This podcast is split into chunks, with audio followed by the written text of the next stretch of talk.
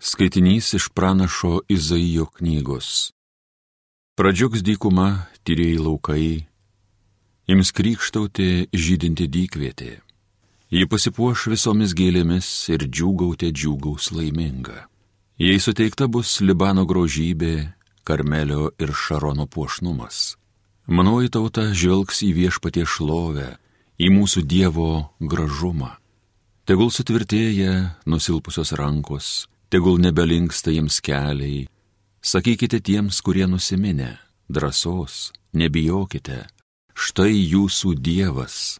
Ateina jo kerštas ir atpildas, pats Dievas ateis ir jūs išgelbės. Tuomet atsimerks akliesiems akys, atsivers kurtiesiems ausys, raišasis pašoks tartumelnes ir nebiliui atsiriš liežuvis. Dykinėje sunksis vanduo, ims tyruose upės tekėti, Išdegęs mėlynas tvenkiniu virs, išdžiūvusi upė vandens šaltiniais, krašte, kur šakalai gyveno, auks meldai ir nendrės. Švarus ten bus kelias, jis vadinsis šventasis kelias. Jo negalės žengti nešvarieji, jo klaidžioti nevalia bus paikiesiems. Nebus tenai liūtų, ant jo neužlips plėšrų žvėrys, jo žengs atpirktieji, kuriuos viešpats išlaisvins, tie sugrįš į tėvynę.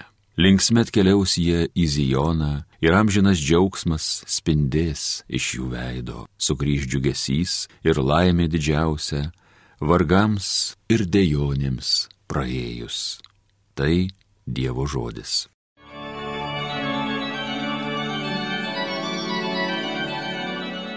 Štai ateis mūsų Dievas ir mus išgelbės. Noriu išgirsti, ką viešpats Dievas byloja.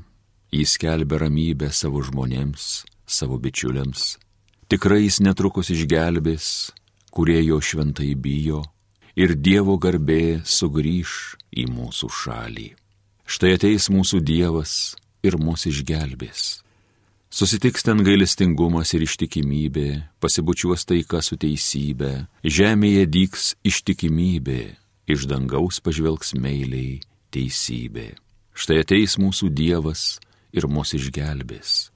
Visokių gerybių duos viešpats, derlinga bus mūsų žemė, teisybė jo akivaizdoj vaikščios, o josios pėdoms seks Dievo palaima. Štai ateis mūsų Dievas ir mus išgelbės. Alleluja.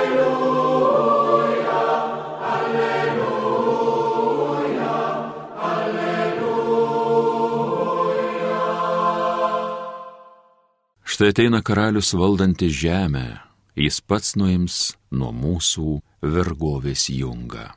Alleluja, alleluja, alleluja.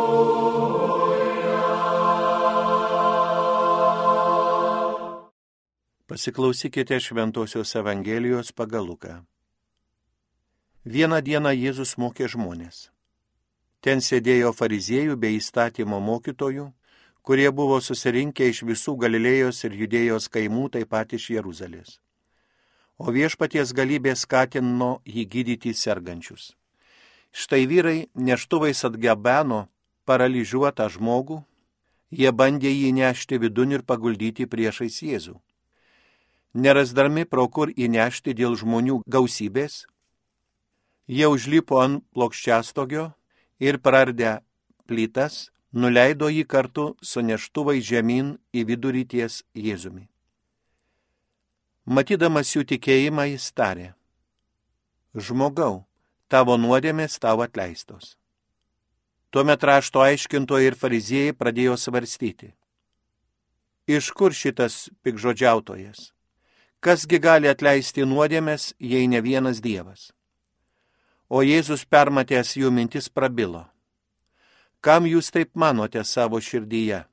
Kas lengviau ar pasakyti tavo nuodėmės tavo atleistos? Ar pasakyti kelkis, imk savo gultą ir vaikščiok? O kad žinotumėte žmogaus sūnų turint galę atleisti nuodėmės, čia jis tarė paralyžiuotajam. Sakau tau, kelkis, imk savo patalą ir eik namo. Tas to jau atsikėlė jų akivaizdoj, pasiemė neštuvus ir šlovindamas Dievą nuėjo namo. Visus pagavo nuostaba ir jie garbino Dievą. Apimti baimės jie kalbėjo. Šiandien matėme nuostabių dalykų. Girdėjote viešpaties žodį.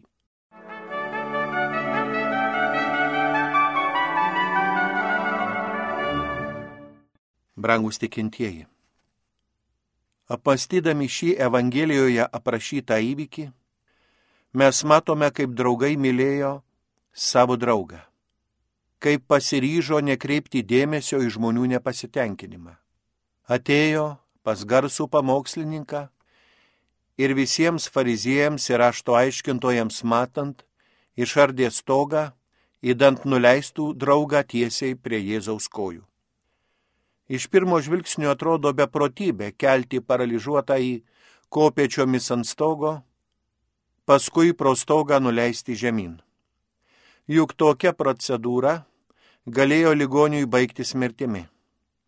Ant namo viduryje susirinkusių žmonių ėmė birėti ardomo stogo nuolaužos ir šie greičiausia širdo ir burnojo. Draugai netgi nežinojo, kaip į tai sureaguos pats Jėzus.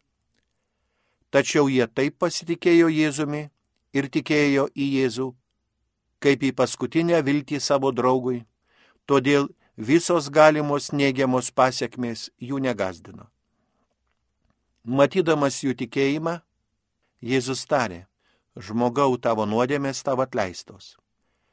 Tai labai svarbu žodžiai. Atleidžiamos nuodėmės tam, kurį taip stipriai myli draugai atleidžiamos mums nuodėmės, nes mus nepaprastai stipriai myli artimieji. Popiežius Pranciškus sako, savo mokyme viešpats labai dažnai kalba apie tikėjimo svarbą. Matydamas tikėjimą. Šiuo žodžius ką tik girdėjome Evangelijoje. Jėzus matė tų žmonių tikėjimą. Iš tiesų reikėjo nemenkos drąsos Jie prardė stogą ir nuleido sergantieji su neštuvais į patalpą, kurioje buvo Jėzus. Šitie drąsūs, ryštingi žmonės tikėjo. Jie tvirtai tikėjo, kad Jėzus gali pagydyti paralyžiuotąjį. Galbūt ne visi turi tokius draugus, bet Dievą turime visi. Nepamirškime, brangus tikintieji. Jėzus mirė ant kryžiaus kad atleistų mums nuodėmės, kadangi Dievas mus nepaprastai myli. Čia būtina atkreipti dėmesį į tai, kad meilė atleidžia, bet netoleruoja nuodėmės. Meilė priima žmogų tokį, koks jis yra, tačiau nesitaiko su nuodėmėmis, nesitaiko su tuo, kad mylimas asmuo pavirsta kažkuo, kas mažai te primena žmogų žmogaus ir Dievo santykiai yra grindžiami abipusę meilę. Kada myli, tuomet nenori padaryti skausmą kitam, nenori kitą asmenį sutepti savo vidiniu nuodėmiu purvu. Todėl tikrai mylintis Dievą žmogus pats nori keistis, kad būtų švaresniu, pats nori gauti iš viešpaties nuodėmių atleidimą. Dievas taip pat nori atleisti ir nuplauti mus. Tuomet mūsų abipusiai santykiai su Dievu pradeda vystytis harmoningai. Kada ne tik Dievas mus myli, bet ir mes jį mylime. Stebuklai, kuriuos daro Jėzus, išgydymai, prikelimai iš numirusių, kėlė visų nusistebėjimą. Tačiau vieną jo stebuklą vieną iš pačių didžiausių ir kartu labai nepastebimą, žmonėms buvo sunku suprasti. Kalba eina apie nuodėmių atleidimą. Jėzus, iš kurio laukė išgydymo stebuklo, atleidžia sergančiajam nuodėmės. Švento rašto žinovai ir fariziejai pasipiktinė. Jie mano, jog Jėzus neturi teisės atleisti nuodėmės ir kiti dalyviai buvo nustebinti ir priblokšti. Jo prašė vieno, o jis padarė visiškai kitą. Tačiau viešpats kaip tik dėl to ir atėjo į šią žemę. Dėl nuodėmio atleidimo ir nelaimingo paralyžiuotojo išgydymas suteikia Jėzui galimybę eilinį kartą parodyti, kame yra jo misijos esmė. Išganimo principas yra atleidimas. Jėzus išgydo ir fizinės negalės, kadangi parodo savo dieviškąją galę. Nes jeigu jis gali išvaduoti iš fizinės negalios, tai ir realiai gali atleisti nuodėmės. Visų mūsų negandų pirminę priežastį. Įsivaduoti iš nuodėmių yra žymiai sunkiau nei pasveikti iš lygos. Apie tai liūdija visas medicinos mokslas. Jėzus išgydė ligonį ne dėl jo tikėjimo, bet dėl tikėjimo tų žmonių, kurie ligonį atnešė. O tai reiškia, kad žmonės turintys tvirtą tikėjimą gali užtarti pas viešpati nusidėjėlius. Ar tuomet patiems nusidėjėliams tikėjimas yra nereikalingas? Atrodo, kad daryti tokią išvadą būtų per anksti, nes greičiausiai paralyžiuotas žmogus buvo tikintis. Paralyžius tai fizinė lyga, bet daugelį žmonių turi paralyžiuotą dvasę.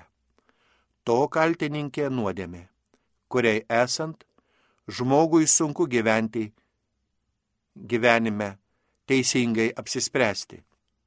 Sunku pagyti iš įkyrių įdų. Daug kas mus gali suparaližuoti. Net maži nekalti polinkiai ar žalingi įpročiai. Gal mes neatsispiriame mažiems nekaltiems melams, kad pagerintume savo įvaizdį o gal širdyje teisėme žmonės ir nors suvokiame, kad tai yra negerai, tačiau nepajėgiame nieko pakeisti. Taip lengva pasijusti bejėgiam, kaip šios dienos Evangelijoje minimam paralyžiuotam žmogui. Tikėjimo paralyžius, žmonių tarpusavio santykių paralyžius, nenoro paklusti Dievo valiai paralyžius toks žmogus būna neryštingas atsiversti. Neryštingas peržengti bažnyčios slengsti ir atlikti išpažinti. Fizinė lyga. Be bejonės turi savo sunkumą žmogaus gyvenime. Bet dvasinė lyga atskiria žmogų nuo Dievo ir sukelia amžinus sužeidimus žmogaus sieloje, kurios turi pasiekmes net amžinybėje. Ir tuomet tie, kurie yra šalia, kurie gyvena ar dirba kartu, gali savo tikėjimu, malda ir šiltų žodžiu padėti tokiam žmogui apsispręsti, atsiversti. Kelkis ir vaikščiau. Dievui užtenka ištarti tik tiek ir žmogus išgyja. Šis paliepimas tesuskamba ir mūsų ausyse, kai jausimės viduje tarsi paralyžiuoti. Prisiminkime sūnų palaidūną kuris tik tapęs keulių jovalo valgytoju, suprato savo klaikę būseną ir ištingai tarė - kelsiuosi ir eisiu pas tėvą. Evangelistas Lukas pristato Mesiją kaip tą, kuris išlaisvina žmogų iš moralinio ir fizinio blogio. Kiekvienais metais mes švenčiame Kristaus gimimo šventę. Tačiau įsikūnyjimo paslaptis yra susijusi su mūsų išlaisvinimo iš nuodėmių paslaptimi. Be Jėzaus mes visi dar būtume nuodėmės vergais, dar labiau vargstančiais apgailėtinuose sąlygose, nei tas Evangelijoje paminėtas paralyžiuotas žmogus. Jeigu norime tikrai pajusti Advento vaisius ir nuoširdžiai džiaugtis Kalėdų švente, turime susitaikyti su Dievu atgailos sakramentu. Nuoširdžiai atlikta išpažintis ir gyvas troškimas nutraukti visus saitus su nuodėme yra to lygų paralyžiuotajam pradėti vaikščioti. Kada mes atsikeliame nuo klausyklos langelio, tuomet pradedame vaikščioti laisvi savo dvasia. Radikalus širdies pakeitimas atgailos sakramente turi gydomasias savybės, lyg paralyžiuotojo pagydymas. Kiek didelių gyvenimo permainų vyksta prie klausyklos langelių.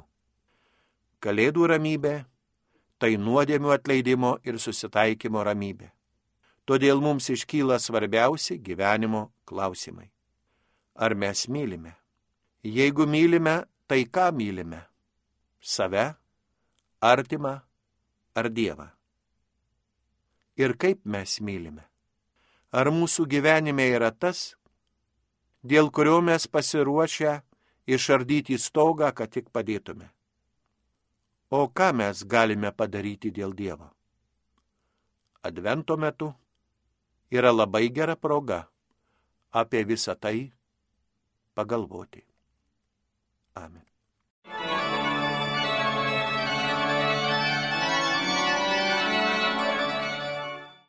Homilija sakė teologijos mokslų daktaras monsinjoras Artūras Jėgelavičius.